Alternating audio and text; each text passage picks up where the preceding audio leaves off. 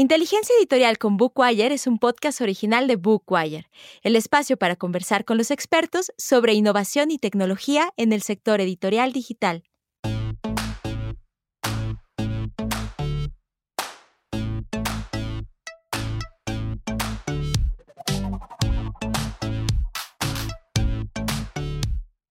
Bienvenidas, bienvenidos a la segunda temporada de Inteligencia Editorial con Bookwire. Estamos encantados de continuar con este espacio y de propiciar conversaciones que sabemos son del interés de los editores y demás profesionistas del medio editorial digital. Hoy les saludo desde Ciudad de México y en unos minutos más nos vamos a conectar hasta Madrid para recibir a nuestro invitado de hoy, Javier Celaya. El episodio de hoy está dedicado al podcast, un formato cuya evolución en el mercado sonoro llama tanto la atención. No es novedoso afirmar que cada vez se producen más y se escuchan más podcasts en español. Por ejemplo, el reciente estudio de Prodigioso Volcán, Tercer Estado de la Voz y el Audio en España, concluye que la tendencia de consumo creció del 42% en el 2019 al 53% en el 2021. Y ya tenemos cifras del 2022 en el informe Global Podcast Listener Forecaster 2021-2025, comentado en 212, en donde se estima que en el 2022 el número de oyentes de podcast aumentará hasta en un 11%. Pero abordemos este tema desde el visor del editor. ¿Cómo le entra un editor o un autor al podcast? Ahora que el podcast comienza a utilizarse como un complemento, una extensión de otras narrativas, que hay nuevas posibilidades y el caso más claro es el reciente concepto Bookcast, que consiste en expandir el universo plasmado en un título concreto a lo largo de varios episodios sonoros. Pensemos en el podcast entonces para complementar un libro o un audiolibro, añadiendo más información de la historia o los personajes, o también contextualizando o contando algo más sobre el texto del autor. Eso sería un poquito el resumen del Bookcast. Por otra parte, el mundo editorial está cada vez más representado en los podcasts. Muestra de ello es nuestro programa, pero también me refiero a los creados por editoriales, que lo utilizan como plataformas de mercadotecnia para sumar contenido a sus títulos o para presentar a sus autores. Por ejemplo, eh, no sé si han escuchado eh, los programas de Roca Editorial o de Siglo del hombre. Échenle por ahí una oída. Pero quien nos puede explicar con mucho más detalle el mundo del podcast es nuestro invitado de hoy. Permítanme contarles una historia al respecto. En 2020 escuché en el evento digital de Bookwire All About Audio una frase que me hizo prestar mucha, mucha atención a este formato. Podcast is the new black. Estas fueron las palabras de Javier Celaya, a quien le doy la bienvenida. Gracias por estar aquí, querido Javier. Muchísimas gracias por invitarme, es un gran placer. Javier Celaya es socio fundador de 212 y responsable de la expansión internacional de la plataforma de podcast y audiolibro Podimo en los mercados en español. Y justamente quisiera comenzar hablando de esta plataforma, Javier. Cuéntanos cómo funciona Podimo, que es una plataforma especializada en este tipo de contenidos. Bueno, pues somos una plataforma que nació justo hace dos años, en plena era pandémica, y la verdad es que estamos muy sorprendidos de la aceleración que ha habido en la categoría del podcasting, eh, no solo en los mercados en español, en España, América Latina y el mercado hispano de Estados Unidos, sino en el resto del mundo. ¿no? Eh, nuestra plataforma es como el Netflix de los podcasts, para simplificarlo, muchas veces los medios de comunicación nos definen así. Y aunque simplifica demasiado las cosas, como todo el mundo conoce eh, cómo funciona Netflix, eh, me ayuda muchas veces a explicar cómo funciona una plataforma como Podimo. ¿no? Básicamente, después del periodo de prueba gratuita que corresponda en ese momento de 7, 14 o 30 días que tengamos en el mercado, los usuarios pueden acceder a nuestro contenido original y exclusivo que tenemos en la plataforma.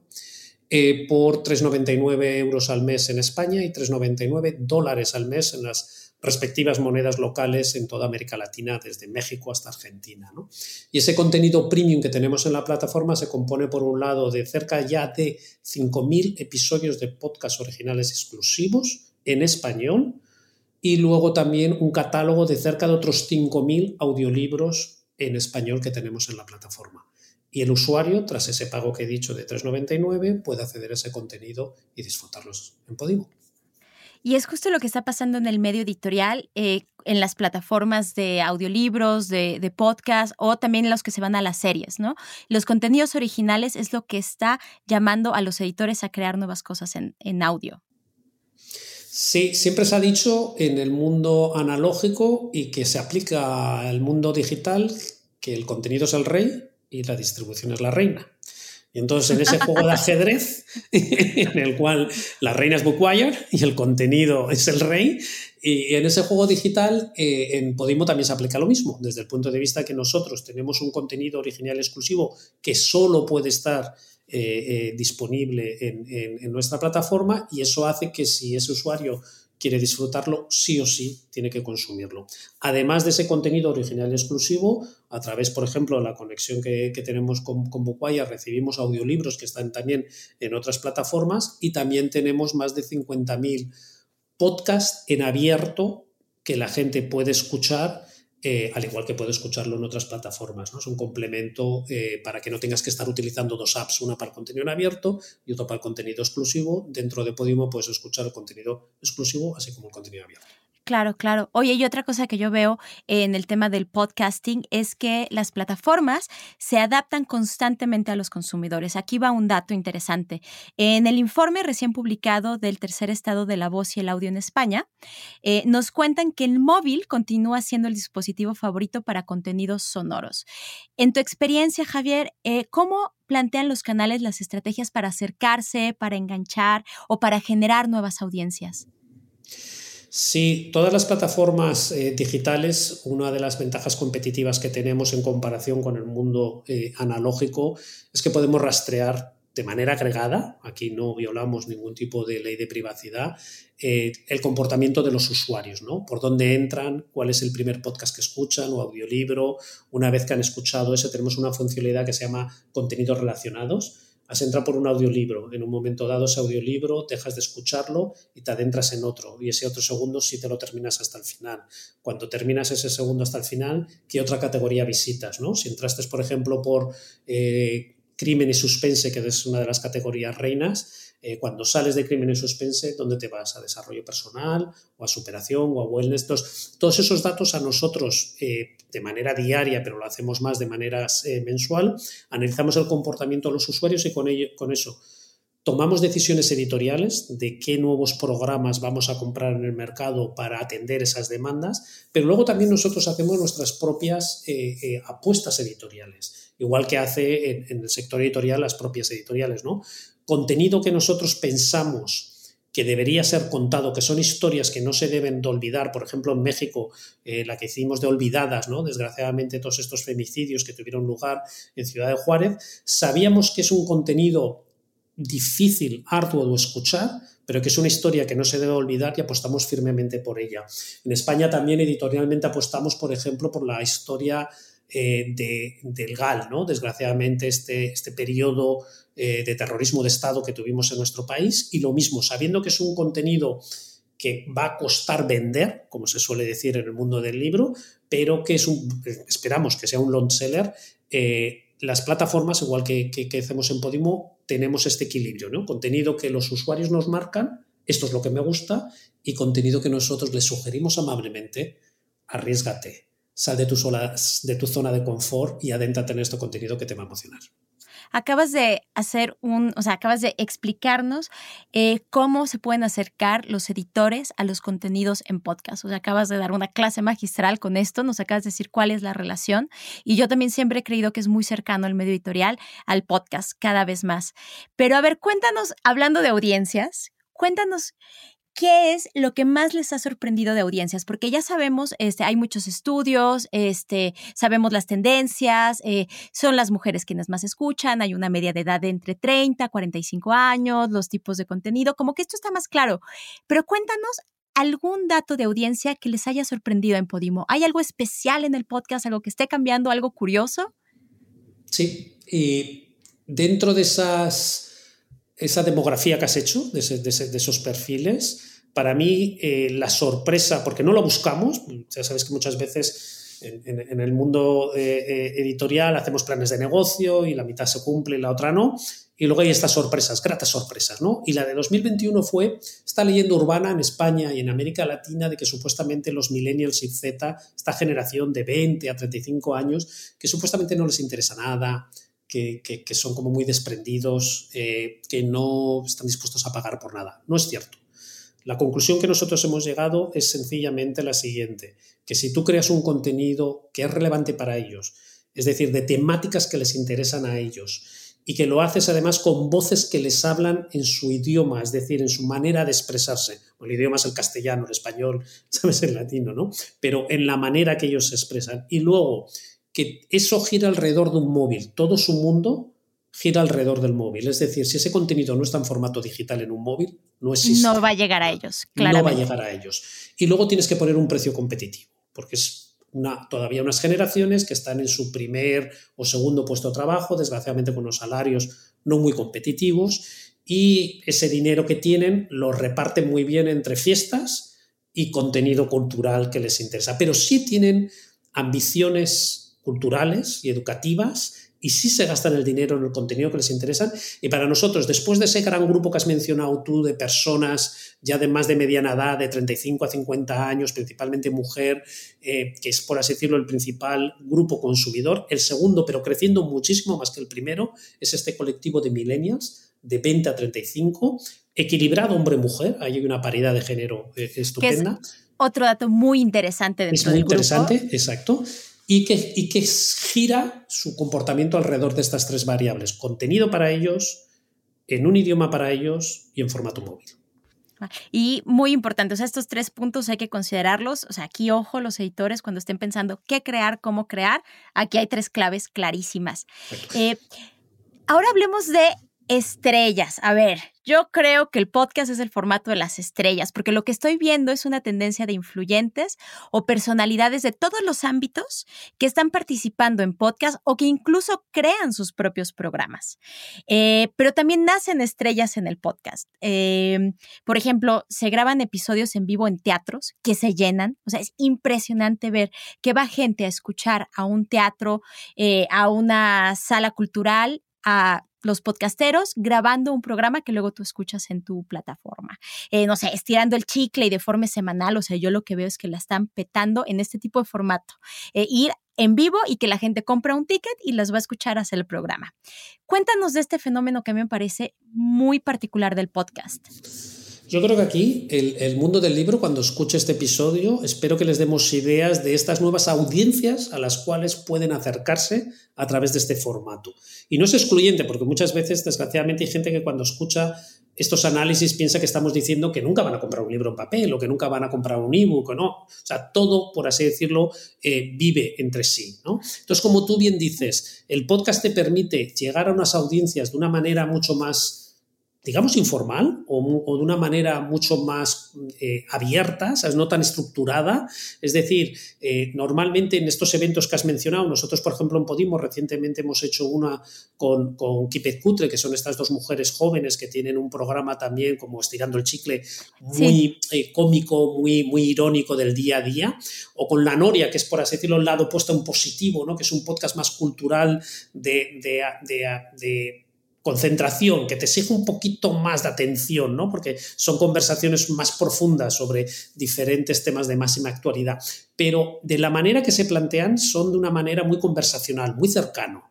¿vale? Esto no quiere decir que sean simples, sino que... Exactamente, no quiere decir que no haya nada detrás, una investigación, una escaleta, una idea, algo que decir. Exacto, algo que decir.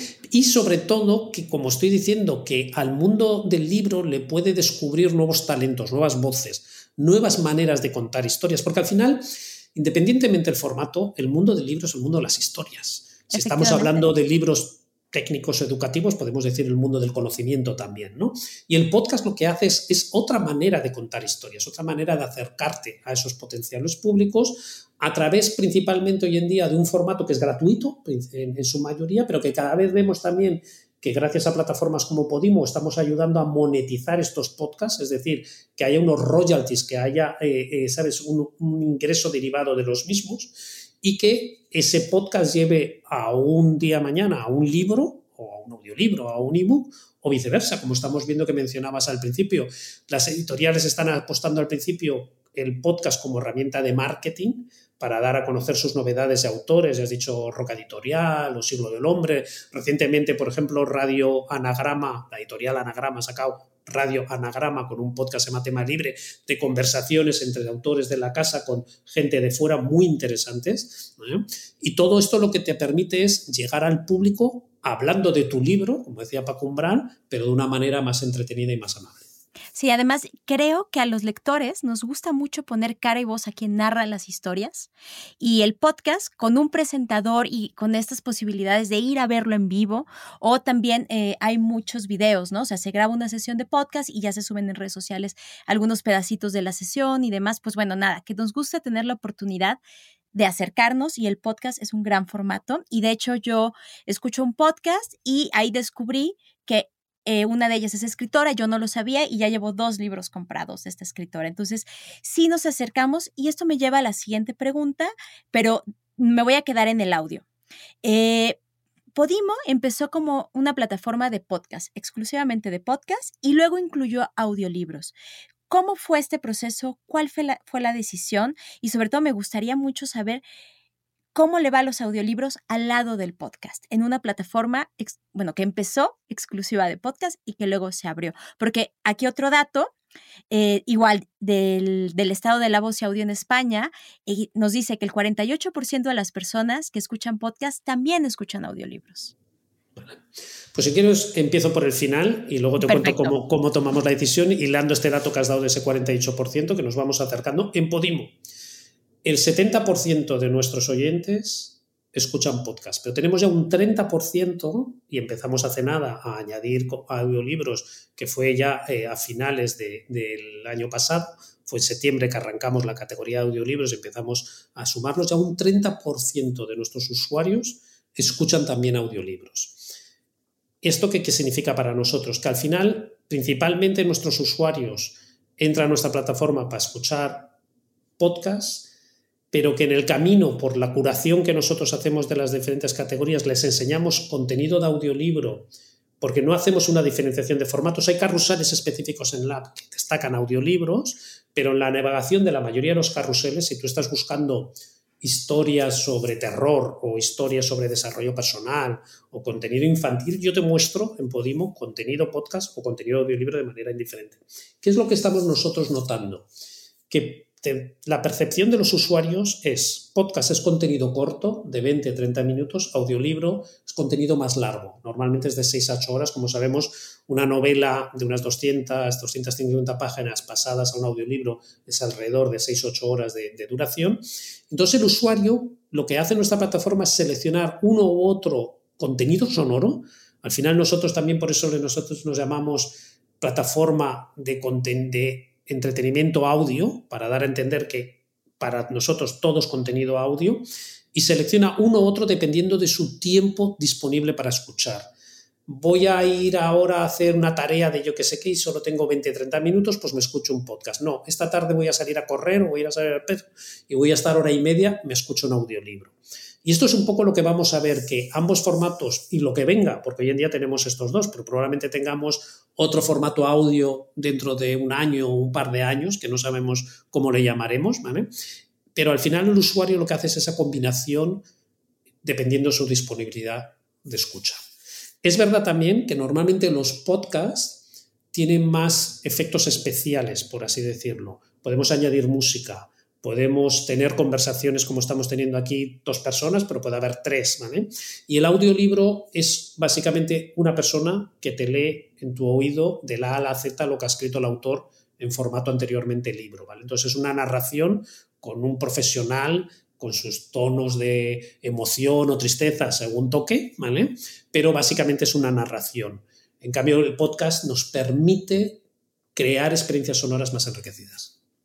Claro, y, bueno, esta mezcla, tienes toda la razón, no lo había eh, no había sido consciente, o sea, hago justamente eso, digo, a ver, eh, que voy a hacer mi rutina de yoga, que no duro ni 10 minutos, ¿eh? lo admito, pero entonces ahí pongo un podcast y que luego voy a ir a, hacer la compra y me voy caminando 15 minutos, más lo que haga la compra, ahí escucho un audiolibro. Claro, nos comportamos así, somos muy cercanos al formato. Este, oye, a ver, vamos a brincar el charco. Eh, ya sabemos que España está mucho, mucho más posicionada en escucha de podcast eh, que América Latina. Em, pero también acá hay contenidos muy interesantes, por ejemplo, el podcast eh, Radio Ambulante, que tú lo sabes, es un programa norteamericano con contenidos latinos en español que lleva muchos años. También tenemos a los premiados chilenos Las Raras o Caso 63, o también tenemos otros muy, muy locales, como uno que acabo de descubrir en Podimo, que es la historia de fútbol en México, así de locales. Ya sabemos que se están creando contenidos regionales, locales y que son muy buenos, pero la pregunta es, ¿están funcionando? Está creciendo la audiencia de podcast en América Latina y una curiosidad que tenemos, ¿los latinos escuchamos o escucharemos tanto podcast como los españoles? Aquí hablamos de mercados. Sí, yo creo que sin lugar a dudas, y además solo por el mero tamaño de toda la región de América Latina, el potencial del podcast en español no está en España, está en América Latina y en el mercado hispano de Estados Unidos. Es cierto, como has dicho, que el arranque ha sido más lento, pero yo que he trabajado muchísimos años en América Latina, eh, con Bookwire, y luego con Storytel y ahora con Podimo, sois un mercado que pasáis del pasado al futuro sin pasar por el presente.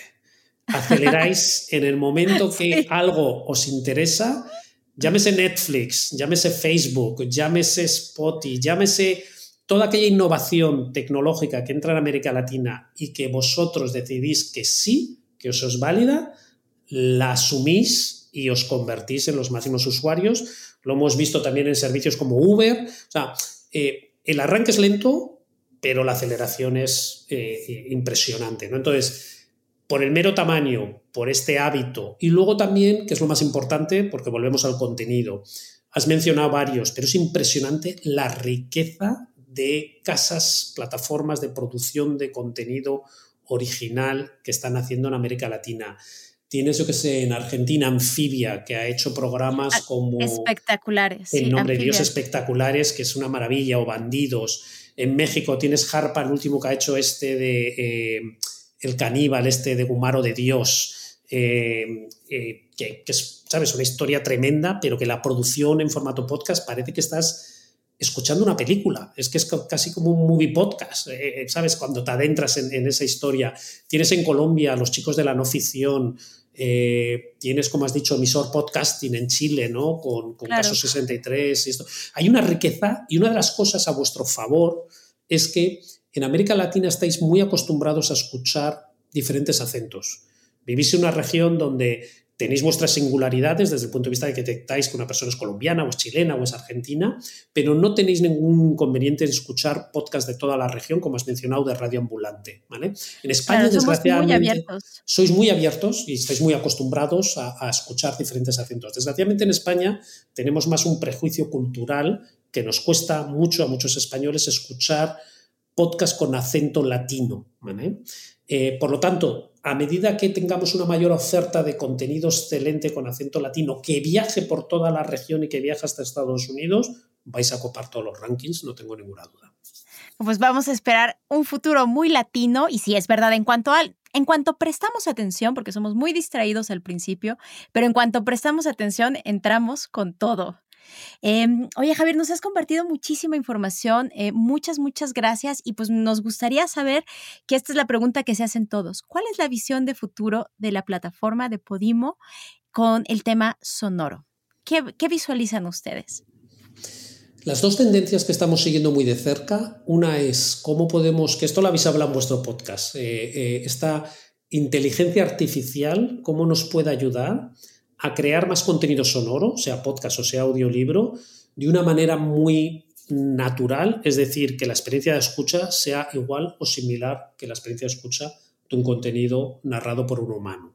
Estamos viendo, como vosotras también habéis mencionado eh, anteriormente, que la evolución de contenido de no ficción, es decir, contenido, por ejemplo, de reportajes periodísticos o artículos académicos, con inteligencia artificial se está mejorando mucho y yo creo que en menos de un par de años tendremos mucho contenido eh, sin alma, como llamo yo, es decir, contenido que no, que no tiene personajes que lloran, ni ríen, ni, mueren, eh, una novela, poesía, eh, cuentos o contenido infantil, yo creo que ahí todavía lo humano va a tener una ventaja competitiva, pero esto no quiere decir que al final de esta década eh, no tengamos una pequeña leyenda en las cubiertas de los podcasts y audiolibros que digan narrado por un humano para diferenciarlo de la gran mayoría que va a estar narrado por una máquina.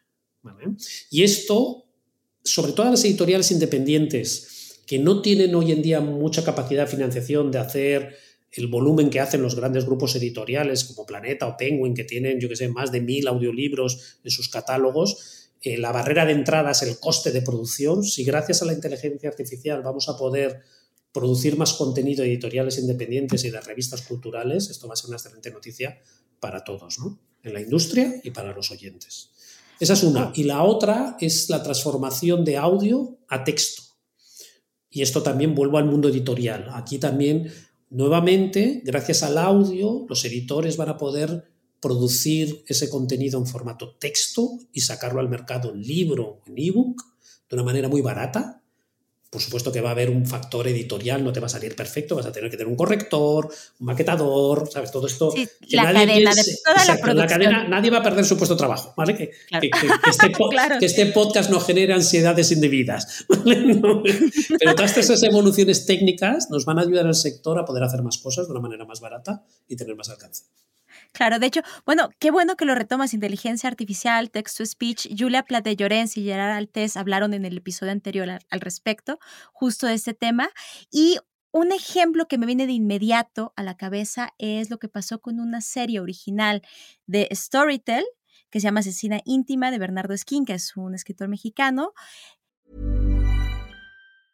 Mom deserves the best, and there's no better place to shop for Mother's Day than Whole Foods Market. They're your destination for unbeatable savings, from premium gifts to show-stopping flowers and irresistible desserts. Start by saving 33% with Prime on all body care and candles. Then get a 15-stem bunch of tulips for just $9.99 each with Prime. Round out Mom's menu with festive rosé, irresistible berry chantilly cake, and more special treats. Come celebrate Mother's Day at Whole Foods Market. Que primero fue serie original, en un audiolibro, después fue un libro eh, con Almadía, aquí en México, otra casa editorial muy importante mexicana, y ahora va a haber una obra de teatro, una puesta en escena, y todo empezó en un contenido sonoro. Entonces es muy interesante. Aquí hay una línea muy, muy concreta. Javier, no te quito más tiempo. Estoy encantada de hablar contigo. Tú y yo podemos seguir horas, lo sabemos, pero, pero vamos a dar un descanso. Te propongo que cerremos con un consejo tú, como experto en podcast, un consejo para nuestros editores. ¿Qué les quieres decir? Que escuchen, que tengan su propio criterio, que se descarguen si quieren Podimo, pero si no, cualquier otra app. Me da igual, voy a ser objetivo aquí. Pero que muchos editores, me acuerdo cuando empezamos con los libros electrónicos, tenían opinión sobre leer en pantallas cuando nunca habían leído ni un solo libro en pantallas. Entonces, que no cometan el mismo error. Que se descarguen una app, a ser posible, Podimo. Y que escuchen. Que escuchen todo esto que hemos estado hablando, que escuchen podcast y como gente inteligente que son, van a ver un montón de oportunidades de negocio. Muchas gracias, Javier. Cerramos por todo lo alto y muy inspirados, debo decir. Pero bueno, todo lo bueno se acaba. Hemos llegado al final del episodio de hoy del podcast Inteligencia Editorial con Bookwire, con nuestro invitado de honor. Qué, qué gusto tenerte aquí, Javier Celaya, socio fundador de 212 y responsable de la expansión internacional de Podimo en los mercados en español. Javier, gracias, gracias infinitas por acompañarnos hoy. Ha sido un gran placer. Hasta la próxima. Gracias a nuestros escuchas por acompañarnos. Nos escuchamos en el siguiente episodio de Inteligencia Editorial con Bookwire. Dirigido por Elena Bazán. Diseño de audio y mezcla, Nico Rojas. Anfitriona de Bookwire, Elena Bazán.